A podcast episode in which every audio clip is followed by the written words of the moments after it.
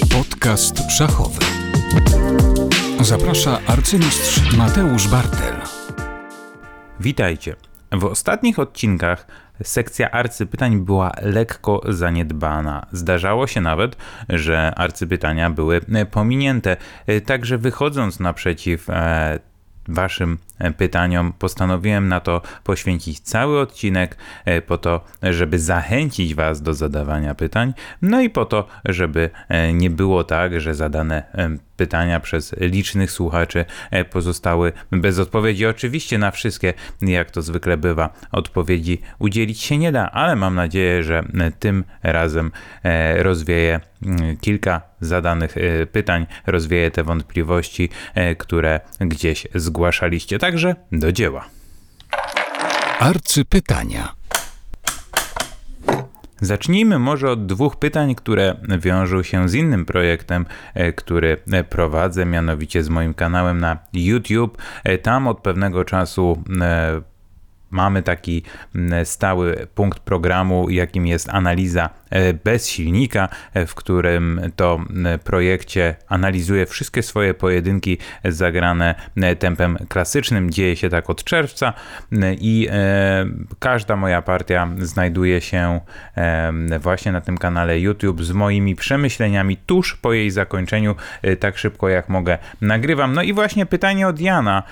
Nie mogę wyjść z podziwu, że nagrywasz swoje filmiki zaraz po partiach. Nie czujesz, że zmniejszasz w ten sposób e, swoje szanse w turnieju przy poświęcony, przez poświęcony czas i dodatkowe zmęczenie. E, no i e, w tym momencie Oczywiście większość osób może myśleć podobnie jak Janek. Myślę nawet, że wielu moich kolegów i wiele moich koleżanek, którzy grają w turniejach, myślą, dlaczego on to robi, przecież to go musi męczyć. I ja też czasami tak sobie myślę, kurczę, po co ja to robię? Mm, ale odpowiedź chyba nie jest taka e, oczywista. Wydaje mi się, że e, po pierwsze, kiedy byłem młodym zawodnikiem, analizowanie partii po jej zakończeniu było stosunkowo mm, naturalne. Właściwie zawsze tak się działo, że e, po skończonej partii, czy to samemu, czy to z e, przeciwnikiem, czy to z trenerem, zasiadało się do szachownicy i tę partię bez oczywiście silnika, bo wtedy silników po prostu nie było, się analizowało. I było to tak naprawdę elementem treningu można było nawet powiedzieć, że e, zawodnicy młodzi e, bardzo pragnęli zagrać z lepszym graczem i po partii e, poprosić go o analizę, żeby podczas tej analizy dużo się nauczyć.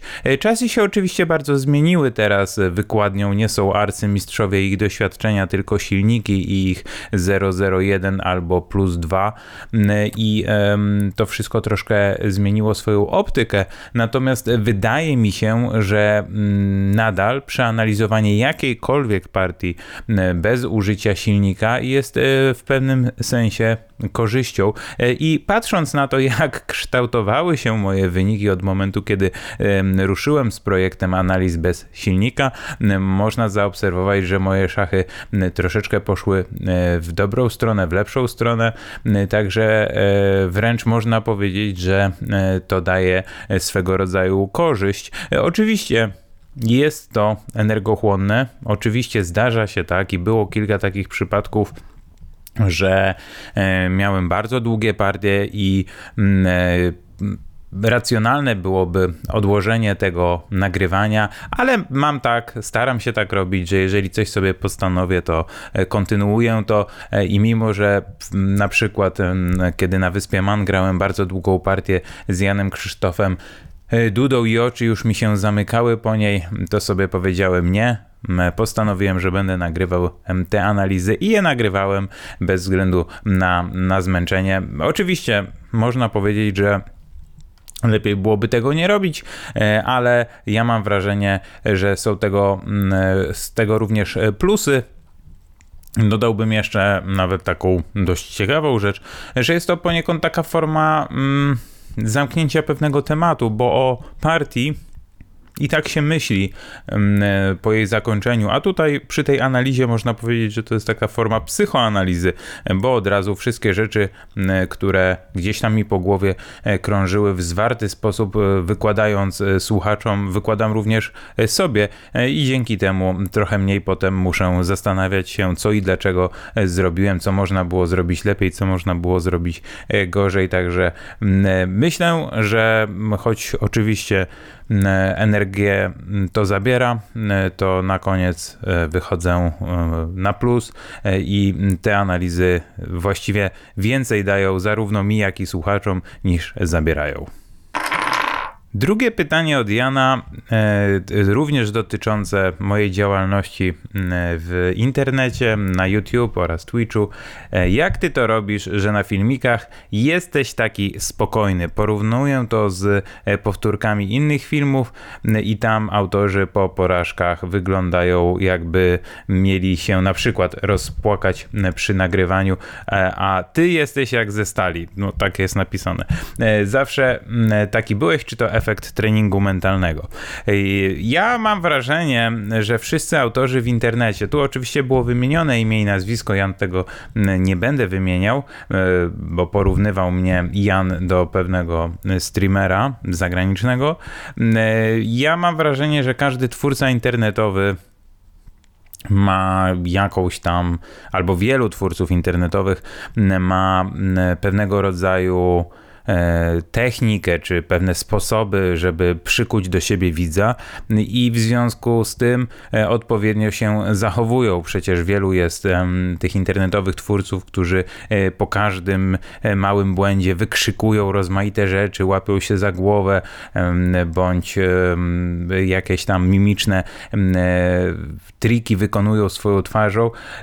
Mi się wydaje, że no każdy przykuwa widza czymś innym ja staram się stawiać na merytorykę mm, i e, no i tyle. A jeśli chodzi o spokój, no spokój to jest rzecz, która jest generalnie bardzo pożądana w szachach mm, i e, im zawodnik bardziej się kontroluje, tym większe ma szanse na osiąganie dobrych mm, wyników, e, bo wyobraźmy sobie dowolną partię szachów, zwłaszcza partię szachów, w której mamy mało czasu. Jeżeli ktoś poddaje się emocjom, no to bardzo trudno jest mu walczyć do samego końca, bo w partiach szachów błyskawicznych zdarzają się błędy, podstawki. Jeżeli ktoś się nie kontroluje, no to nie ma ma szans dobrze grać. E, jeżeli ktoś poddaje się różnym rzeczom, no to po prostu e, na tym e, traci. Także kontrola emocji jest bardzo ważnym elementem gry szachowej i dodatkowo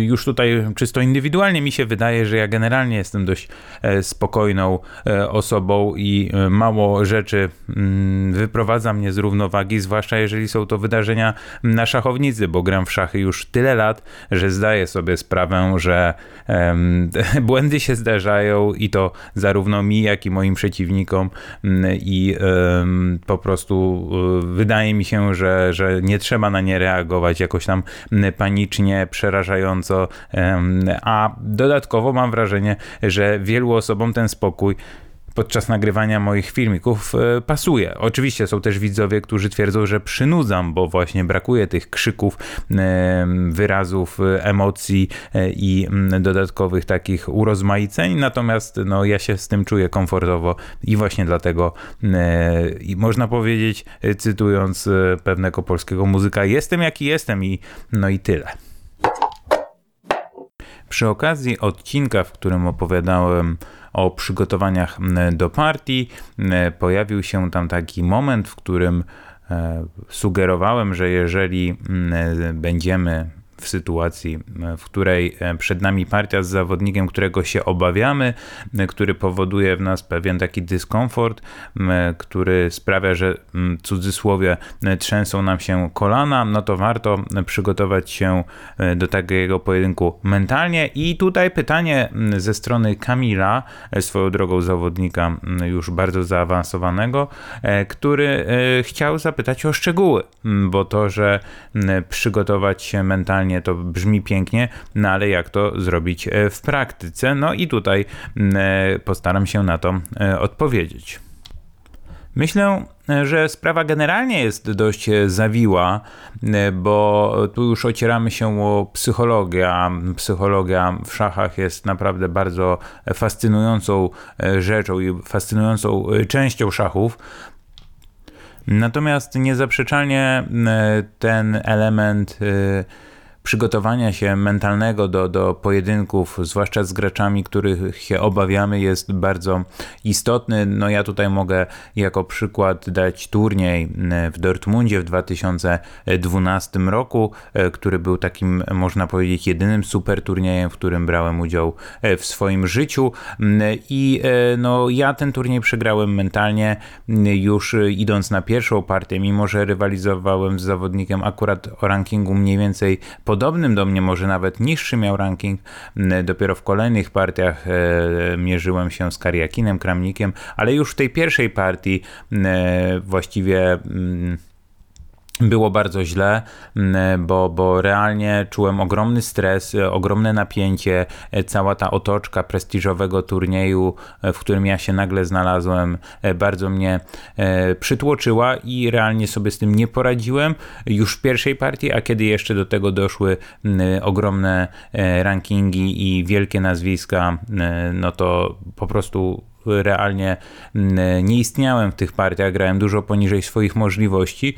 W późniejszych latach starałem się zawsze mm, próbować jakichś takich technik e, wizualizacyjnych, że jeżeli czeka mnie e, pojedynek z kimś, e, kogo się gdzieś obawiam, którego się no, boję na zasadzie takiej, że pewnie jest ode mnie lepszym szachistą, próbowałem zawsze sobie wyobrazić, że siedzę na tej sali gry w jakimś tam konkretnym miejscu, w tej swojej wizualizacji starałem się widzieć siebie jako osobę spokojną, która która e, jest w stanie zmierzyć się z postawionymi przez przeciwnika problemami.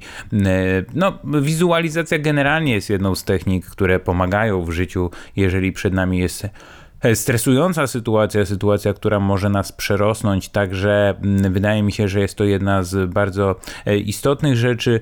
Natomiast drugą rzeczą, którą myślę wiele osób robi, jest sprawdzanie e, tych gorszych momentów w partiach naszych przeciwników, co zresztą generalnie jest bardzo e, przydatną rzeczą, że wpisujemy sobie naszego przeciwnika e, do bazy, oglądamy jego pojedynki, w których przegrał to oczywiście też może nas nie zawsze mm, ucieszyć, bo na przykład wpiszemy ostatnie, poszukamy ostatnich pięciu porażek przeciwnika białym kolorem, a okaże się, że on łącznie przegrał pięć partii białymi przez ostatnie cztery lata. Y, też zdarzają się tacy zawodnicy.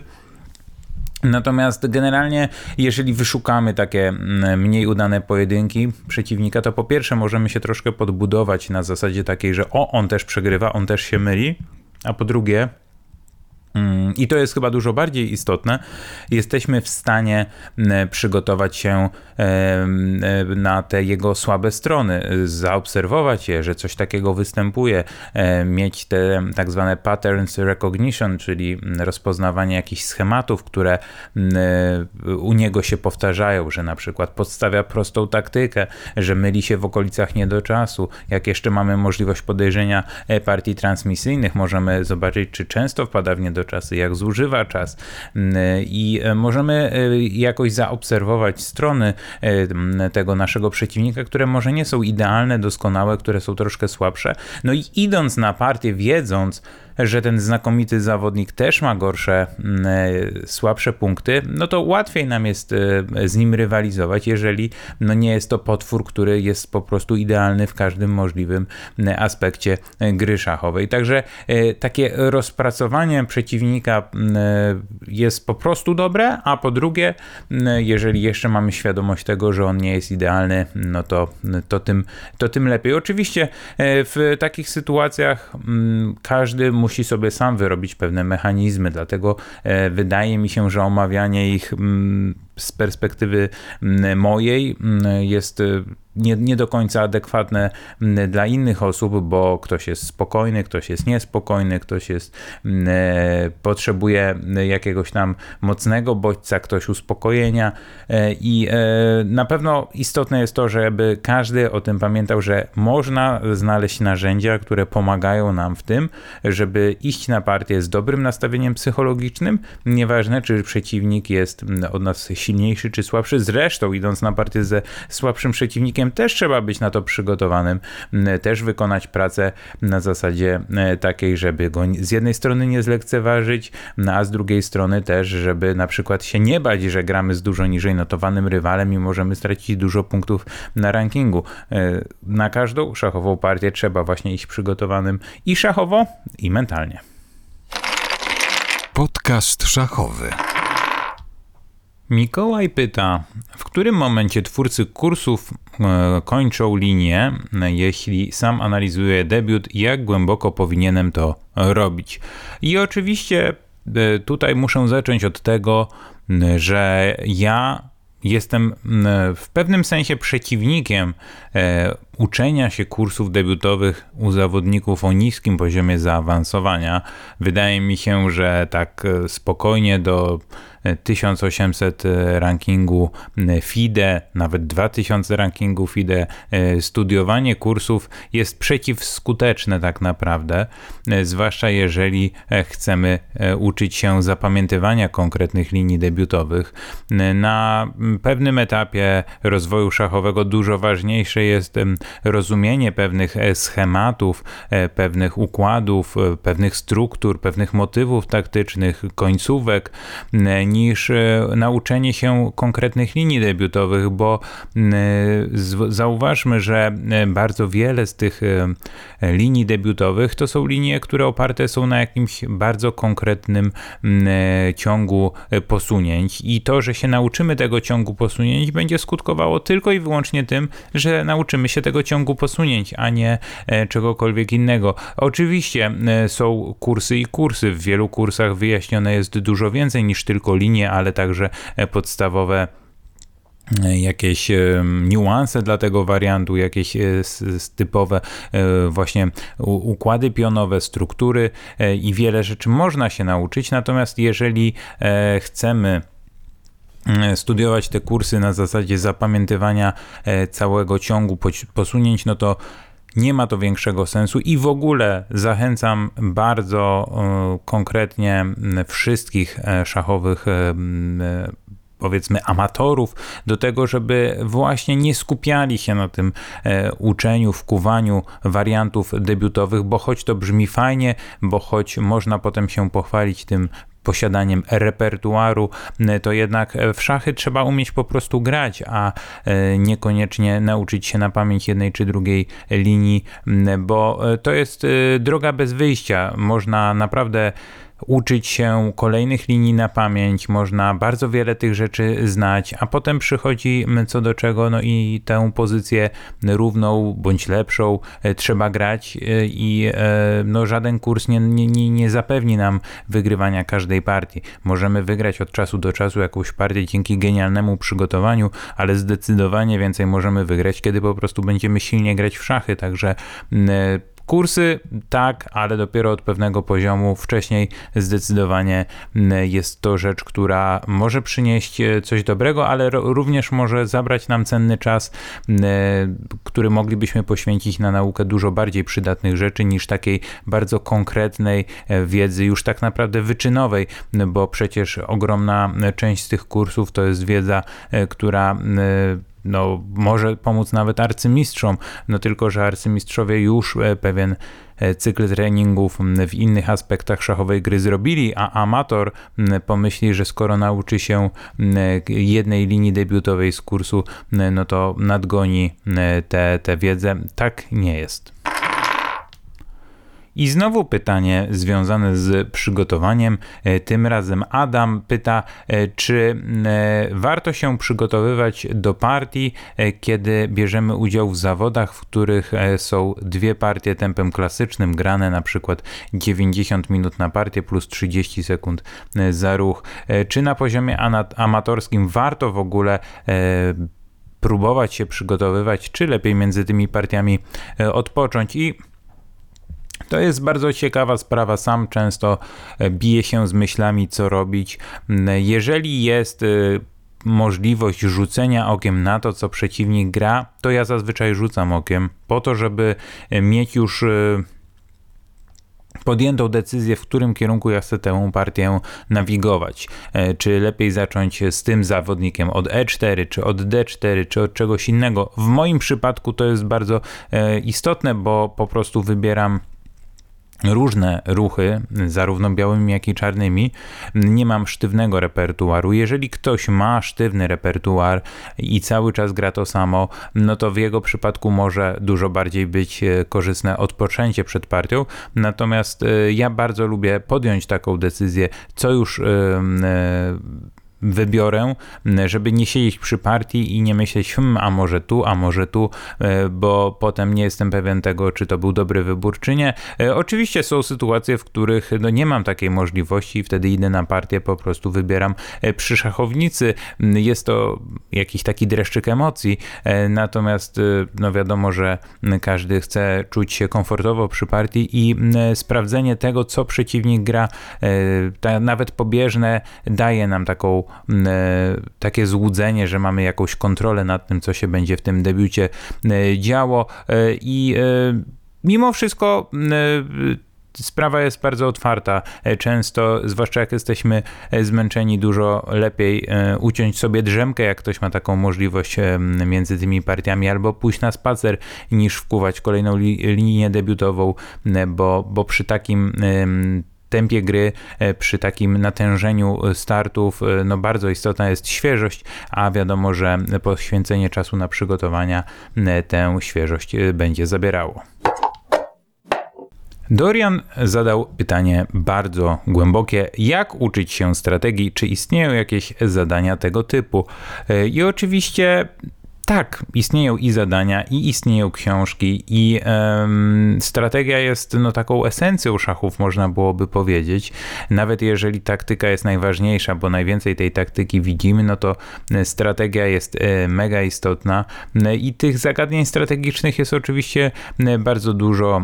Klasyczne książki Dworeckiego bardzo dużo tych elementów poruszały, czy książki Nimcowicza. Oczywiście przez lata, zwłaszcza w przypadku e, mega mocnych silników bardzo wiele zagadnień strategicznych straciło na znaczeniu. To znaczy e, pewne rzeczy, które mm, ileś tam lat temu uważano za e, no, dogmaty, obecnie przez komputery są podważone. To znaczy komputery udowadniają, że pewne rzeczy faktycznie mogą mieć e, zastosowanie, ale w jakimś konkretnym e, momencie e, wszystko można podważyć. Potwierdzają tak naprawdę, że, że taktyka jest najważniejsza, że ten konkret liczy się jak najbardziej, liczy się bardziej niż, niż jakiś ogólny zarys pewnych konceptów. Natomiast to jest taka wiedza, wiedza strategiczna, która ułatwia nam powiedzmy podróż od punktu A do punktu B, bo jeżeli wiemy, jaką mamy pozycję w tym momencie i do czego chcemy dążyć za ileś tam posunięć, to łatwiej nam jest to wszystko zrobić, mając te podstawy strategiczne, bo jeżeli liczymy warianty nie mając e, wiedzy dotyczącej na przykład struktur, silnych pól, e, jakichś tam e, korzystnych wymian, końcówek, to dużo trudniej jest podejmować pewne decyzje. Także bardzo istotne jest to, żeby te szlify strategiczne zdobyć. I oczywiście tak są na ten temat materiały, pozycje.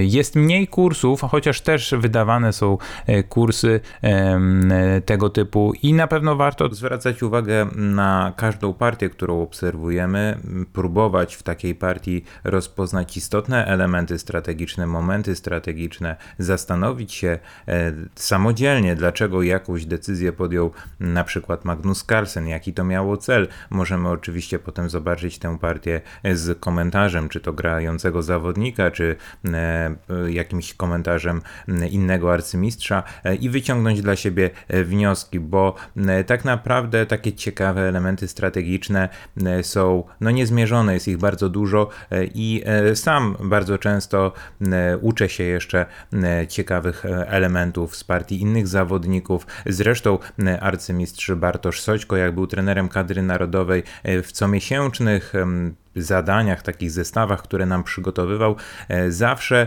e, dodawał pozycje, e, które właśnie w swoim założeniu miały prezentować jakąś ciekawą ideę strategiczną, zwrócić naszą uwagę na to, że to albo inne zagranie zdarza się często i żebyśmy to zapamiętali, a potem używali z potencjalnym zyskiem. Nathan zapytał, jaki jest Twój obecny cel szachowy? Mam wrażenie, że na to pytanie odpowiadałem wiele razy w różnych miejscach, chociaż wydaje mi się też, że jeszcze na tak zadane pytanie nie odpowiadałem, jeśli chodzi o. Mm, e, nasz podcast szachowy. I, i e, odpowiedź e, to właściwie będzie bardzo Mm, trudna, e, bo e, ja nigdy nie lubiłem sobie stawiać celów w szachach. Może to sprawiło, że nie osiągnąłem więcej, ale z drugiej strony, jak się nie ma jakiegoś wygórowanego celu, to człowiek unika też rozczarowania.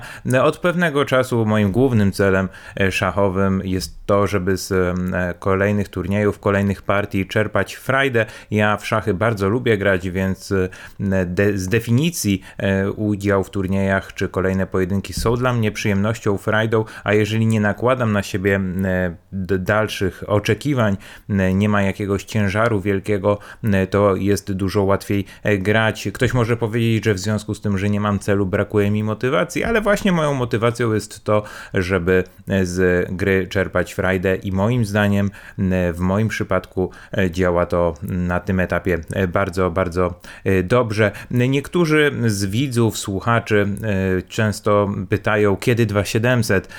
Ja tutaj e, mówię full stop, zatrzymajmy się, e, bo nie widzę sensu takiego e, myślenia. Miałem kilka lepszych miesięcy, kilka fajnych występów, ale poziom 2700 to jest już ścisła, no niemal ścisła czołówka światowa. Moim zdaniem to nie jest miejsce, w którym kiedykolwiek się znajdę, ale życie bywa nieprzewidywalne i może kiedyś również i moim udziałem stanie się takie, taka pozycja na świecie. Natomiast ja generalnie nie rozglądam się w tamtym kierunku, staram się bawić grą, cieszyć grą, mieć z tego radość i mam nadzieję i wydaje mi się, że widać to w moich pojedynkach. Podcast szachowy. Z kolei Zając pyta, czym e, różnią się treningi szachowe najlepszych graczy, czy jest jedna najlepsza metoda. E, no i oczywiście mm, e, Myślę, że każdy zawodnik jest w stanie e, powiedzieć mm, coś zupełnie innego. E, wszyscy zawodnicy z czołówki mają na pewno jakieś swoje sprawdzone metody treningowe. Każdy z nich e, na coś innego zwraca uwagę. Każdy z nich ma swoje ulubione elementy szachowego rzemiosła i te, które raczej unika. Natomiast Wydaje mi się, że no jest to dość e, naturalne, że zawodnicy z czołówki światowej bardzo dużo mm, uwagi przykładają do studiowania debiutów, otwarć z bardzo prostej przyczyny, mianowicie z takiej, że wiele innych rzeczy po prostu już wiedzą i nie muszą e, na nowo się tego uczyć. Natomiast e, kiedy grają właśnie z rywalami z tej ścisłej czołówki światowej, bardzo istotne jest zaskoczenie debiutowe, no, utrzymanie pozycji E, czy otrzymanie pozycji, która jest troszkę lepsza białymi, e, albo łatwa do uznania czarnymi, e, no w zależności od potrzeb, oczywiście czasami też czarnymi się ryzykuje, natomiast no nie jest zaskoczeniem, że właśnie w tym kierunku idą e, rozważania treningowe najlepsze na świecie. Zdarza się jednak, że e, ta czołówka światowa nie klepie, przepraszam za takie e, sformułowanie wariantów na komputerze, tylko bardziej stara się trenować w sposób praktyczny. Kiedyś jeden z zawodników poziomu arcymistrzowskiego został zaproszony przez Magnusa Carlsena na obóz treningowy, no i liczył, że właśnie Magnus będzie chciał się zapoznać z jego jakimiś jakimiś mm, otwarciami, a okazało się, że został zaproszony tylko i wyłącznie po to, żeby rozgrywać z Magnusem partie sparingowe, których zresztą bardzo dużo grał. Też wiem, że bardzo partie sparingowe lubi Jan Krzysztof Duda rozgrywać, tylko no właśnie, to, że taki zawodnik jak Carlsen czy Duda grają partie sparingowe nie oznacza, że taki sam efekt przyniesie mecz sparingowy zawodnikowi poziomu amatorskiego, bo mm, wierzcie bądź nie, Jan Krzysztof Duda, to wiem z doświadczenia, ma tak wielką pamięć, że on potrafi taką towarzyską partię o przysłowiową pietruszkę zapamiętać i wyciągnąć z niej wnioski.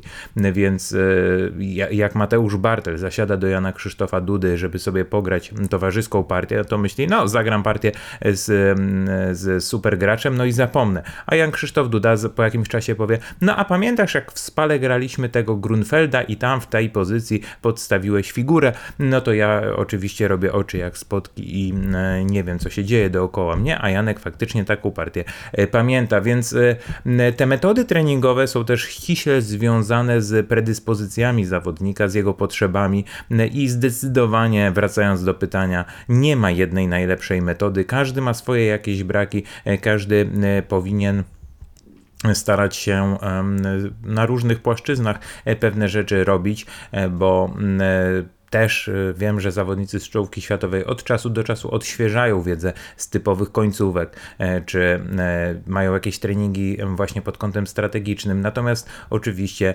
bardzo duża e, część ich energii idzie w kierunku studiowania otwarć, bo po prostu na tym poziomie najlepszych zawodników świata jest to, wiedza bardzo istotna, kluczowa, no i każdy chce tego swojego przeciwnika na początkowym etapie zaskoczyć.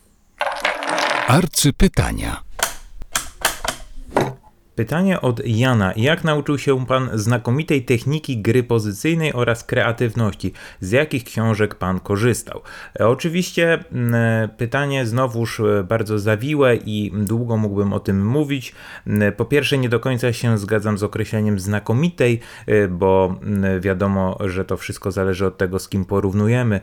Porównując z Magnusem Carlsenem, moja technika czy gra pozycyjna są raczej liche, porównując ze zwykłym zjadaczem chleba może i prezentuje się zupełnie przyzwoicie. Natomiast w moim przypadku książki nie odegrały jakiejś wielkiej roli z bardzo prostej przyczyny. Dzięki mojemu tacie miałem w okresie juniorskim, w tym, w którym kształtowały się moje umiejętności, możliwość pracy z bardzo fajnymi trenerami. E, miałem też fajnych kolegów w klubie e, Polonia, naówczas Warszawa i e, po kolei tak wymieniając, no to bardzo dużo zawdzięczam panu Jakowowi Pawłowi Leufenfeldowi, który był moim takim pierwszym trenerem, który wyciągnął mnie z poziomu 1900 do, do, na, na poziom 2300. Oczywiście wcześniej też miałem trenerów, natomiast takich realnie podstaw pozycyjnych uczyłem się wraz z panem e, Jakowem.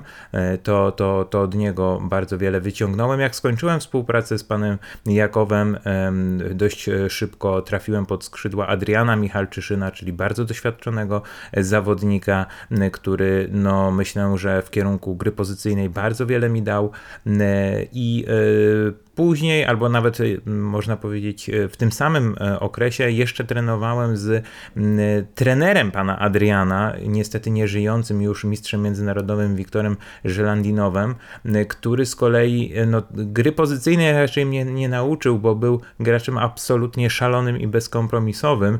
I jeżeli widzicie moje partie, które są niestandardowe i dzikie, to jest to stuprocentowa zasługa pana Wiktora, który po prostu uwielbiał grać w stylu Tala i mm, tym mnie zaraził.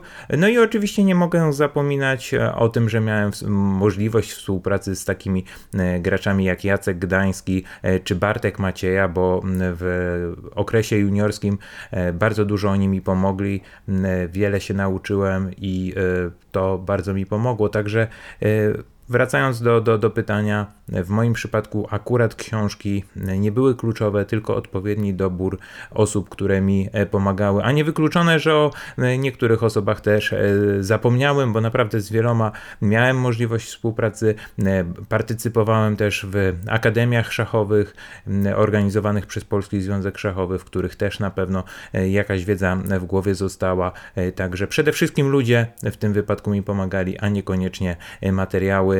Takie miałem e, szczęście, bo myślę, że jest to mimo wszystko łatwiejsze niż zgłębianie wiedzy w towarzystwie e, książki, e, którą gdzieś tam trzeba zrozumieć samemu, a mi tutaj pomagali właśnie trenerzy czy, czy, czy starsi koledzy. Pytanie od Igora. Co możesz powiedzieć o zagrywkach nietypowych, na przykład tracących tempo, a śmiesznych lub upokarzających dla oponenta typu król zataczający rundkę wokoło pionów e, C3 i F3 i jak to było u Carlsena gdzieś. Bardzo dziękuję e, i pozdrawiam. Generalnie wydaje mi się, że takie zachowania są troszkę niefajne i e, czasami zdarza się, że chcemy pokazać jakąś dezaprobatę, zwłaszcza na internecie tak się dzieje, że ktoś zrobił coś niefajnego, a my próbujemy mu pokazać, że no nie szanujemy go grając jakieś takie byle co. Natomiast tak naprawdę no każdy może zrobić na szachownicy to co chce, może te partie zacząć w sposób taki jak uważa za stosowne. Y, gdzieś na pewno, jeżeli zaczynamy partię od takich ruchów y, charakterystycznych dla graczy, którzy nie mają pojęcia o szachach, no to jest to, jest to pokazanie takiego braku szacunku dla, dla rywala. Natomiast y, ja tak myśląc sobie o tym, że powiedzmy ktoś kiedyś chciałby przeciwko mnie coś takiego zagrać, albo czasami tak się zdarza na internecie, no to ja po prostu staram się grać swoje i nie przejmować się tym. E, jeżeli ktoś ma jakiś problem i chce go rozwiązać właśnie przez granie tego typu śmiesznych e, czy upokarzających, jak to napisał Igor w pytaniu rzeczy, to jest jego problem e, i myślę, że nie należy się tym specjalnie przejmować, bo, bo nie ma to większego sensu. Michał pyta, co odróżnia szachistę z drugą kategorią od tego z trzecią? Czy jest jakiś specyficzny zestaw umiejętności, cech powiązanych z konkretnymi kategoriami, tytułami, gdybając E, szachista z pierwszą kategorią, w odróżnieniu od tego z drugą, bardzo dobrze wie, które figury wymienić, e, a mistrz międzynarodowy potrafi na tyle dobrze wizualizować szachownicę w swojej głowie, że jest w stanie rozgrywać partię na ślepo i tak dalej, i tak dalej. E, no i oczywiście chyba mm, należy się spodziewać tego, że nie ma takich sztywnych wytycznych, mm, zwłaszcza mm, jeżeli wyobrazimy sobie, w jaki sposób zdobywane są kategorie, że trzeba zrobić jakąś normę, no to wiadomo, że komuś może w jednym turnieju poszczęścić, komuś może niespecjalnie sprzyjać e, fortuna, więc e, ktoś może zrobić e, tę drugą, pierwszą kategorię i niekoniecznie być jakimś super silnym graczem, ktoś inny może jeszcze się z tymi normami mierzyć, a grać całkiem dobrze, więc tutaj nie trzeba absolutnie udowadniać swojej wiedzy, choć z tego co pamiętam były takie sytuację w Związku Radzieckim, że żeby uzyskać jakiś poziom bodajże kandydata na mistrza, poza wynikami w turniejach trzeba było też udowodnić swoją wiedzę przed jakimś tam konsylium, co było, powiem szczerze, mocno specyficzne, ale, ale podobno tak kiedyś się działo. E, natomiast obecnie oczywiście nic takiego nie ma. E, każdy, kto uzyskał jakąś tam kategorię czy ranking, to po prostu go, e, go ma. Oczywiście kategorii stracić nie można, ranking się co chwila zmienia, więc to są inne sprawy, ale generalnie chodzi o to, że to jest tylko wynik sportowy, który niekoniecznie musi iść w parze z jakąś konkretną wiedzą. Wydaje mi się nawet, że no to jest kompletnie nie do ogarnięcia, a jeszcze zauważając to, co zostało napisane przez Michała, no to wizualizacja szachownicy, żeby rozgrywać partię na ślepo, przyznam się szczerze, powinna być dość takim podstawowym mm, podstawową umiejętnością w, w, naszym wachlarzu szachowych mm, trików, e, bo no ja pamiętam, że, że mając chyba z 10 lat byłem w stanie rozgrywać partię na ślepo i wydaje mi się, że to nie jest specjalnie wyróżniająca rzecz, że mm, taką umiejętność powinni mieć e, wszyscy gracze poziomu tak naprawdę pierwszej kategorii, może nawet drugiej bo nauczenie się pól na szachownicy to jest e, właściwie jedna z takich można powiedzieć, mm, jeden z pierwszych kroków, żeby wiedzieć, jakiego koloru jest pole G6 albo B4 i tak dalej, i tak dalej. Jak już wiemy, jakie są te pola, no to krok po kroku możemy wizualizować sobie mm, figury na szachownicy. Warto też robić zadania e, na zasadzie takiej, że rzucamy okiem na pozycję, potem zamykamy oczy i próbujemy znaleźć rozwiązanie w głowie. Jak mamy e, w ten sposób to zrobione, no to już jest to e, ta próba wizualizacji,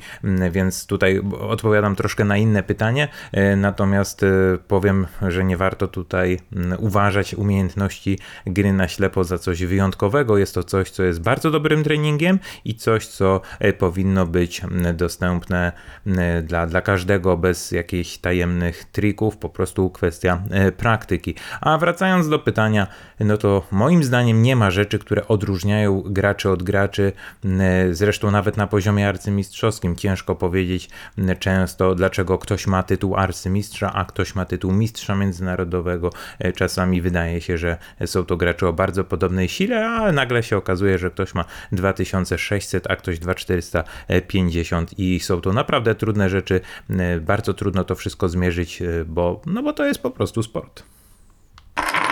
Przez dłuższy czas nic nie działo się w partii e, słuchaczy ze mną, e, natomiast teraz nadrabiam e, zaległości i po tym jak w dziewiątym ruchu słuchacze zagrali C bije D4, e, odbili pionka, co wydaje się być zresztą pewną niedokładnością, e, ja przyjmuję tutaj ofiarę piona, gram skoczek bije D4 i mam nadzieję, że przewaga materialna da mi w tej partii przewagę. Podcast szachowy. Zaprasza arcymistrz Mateusz Bartel.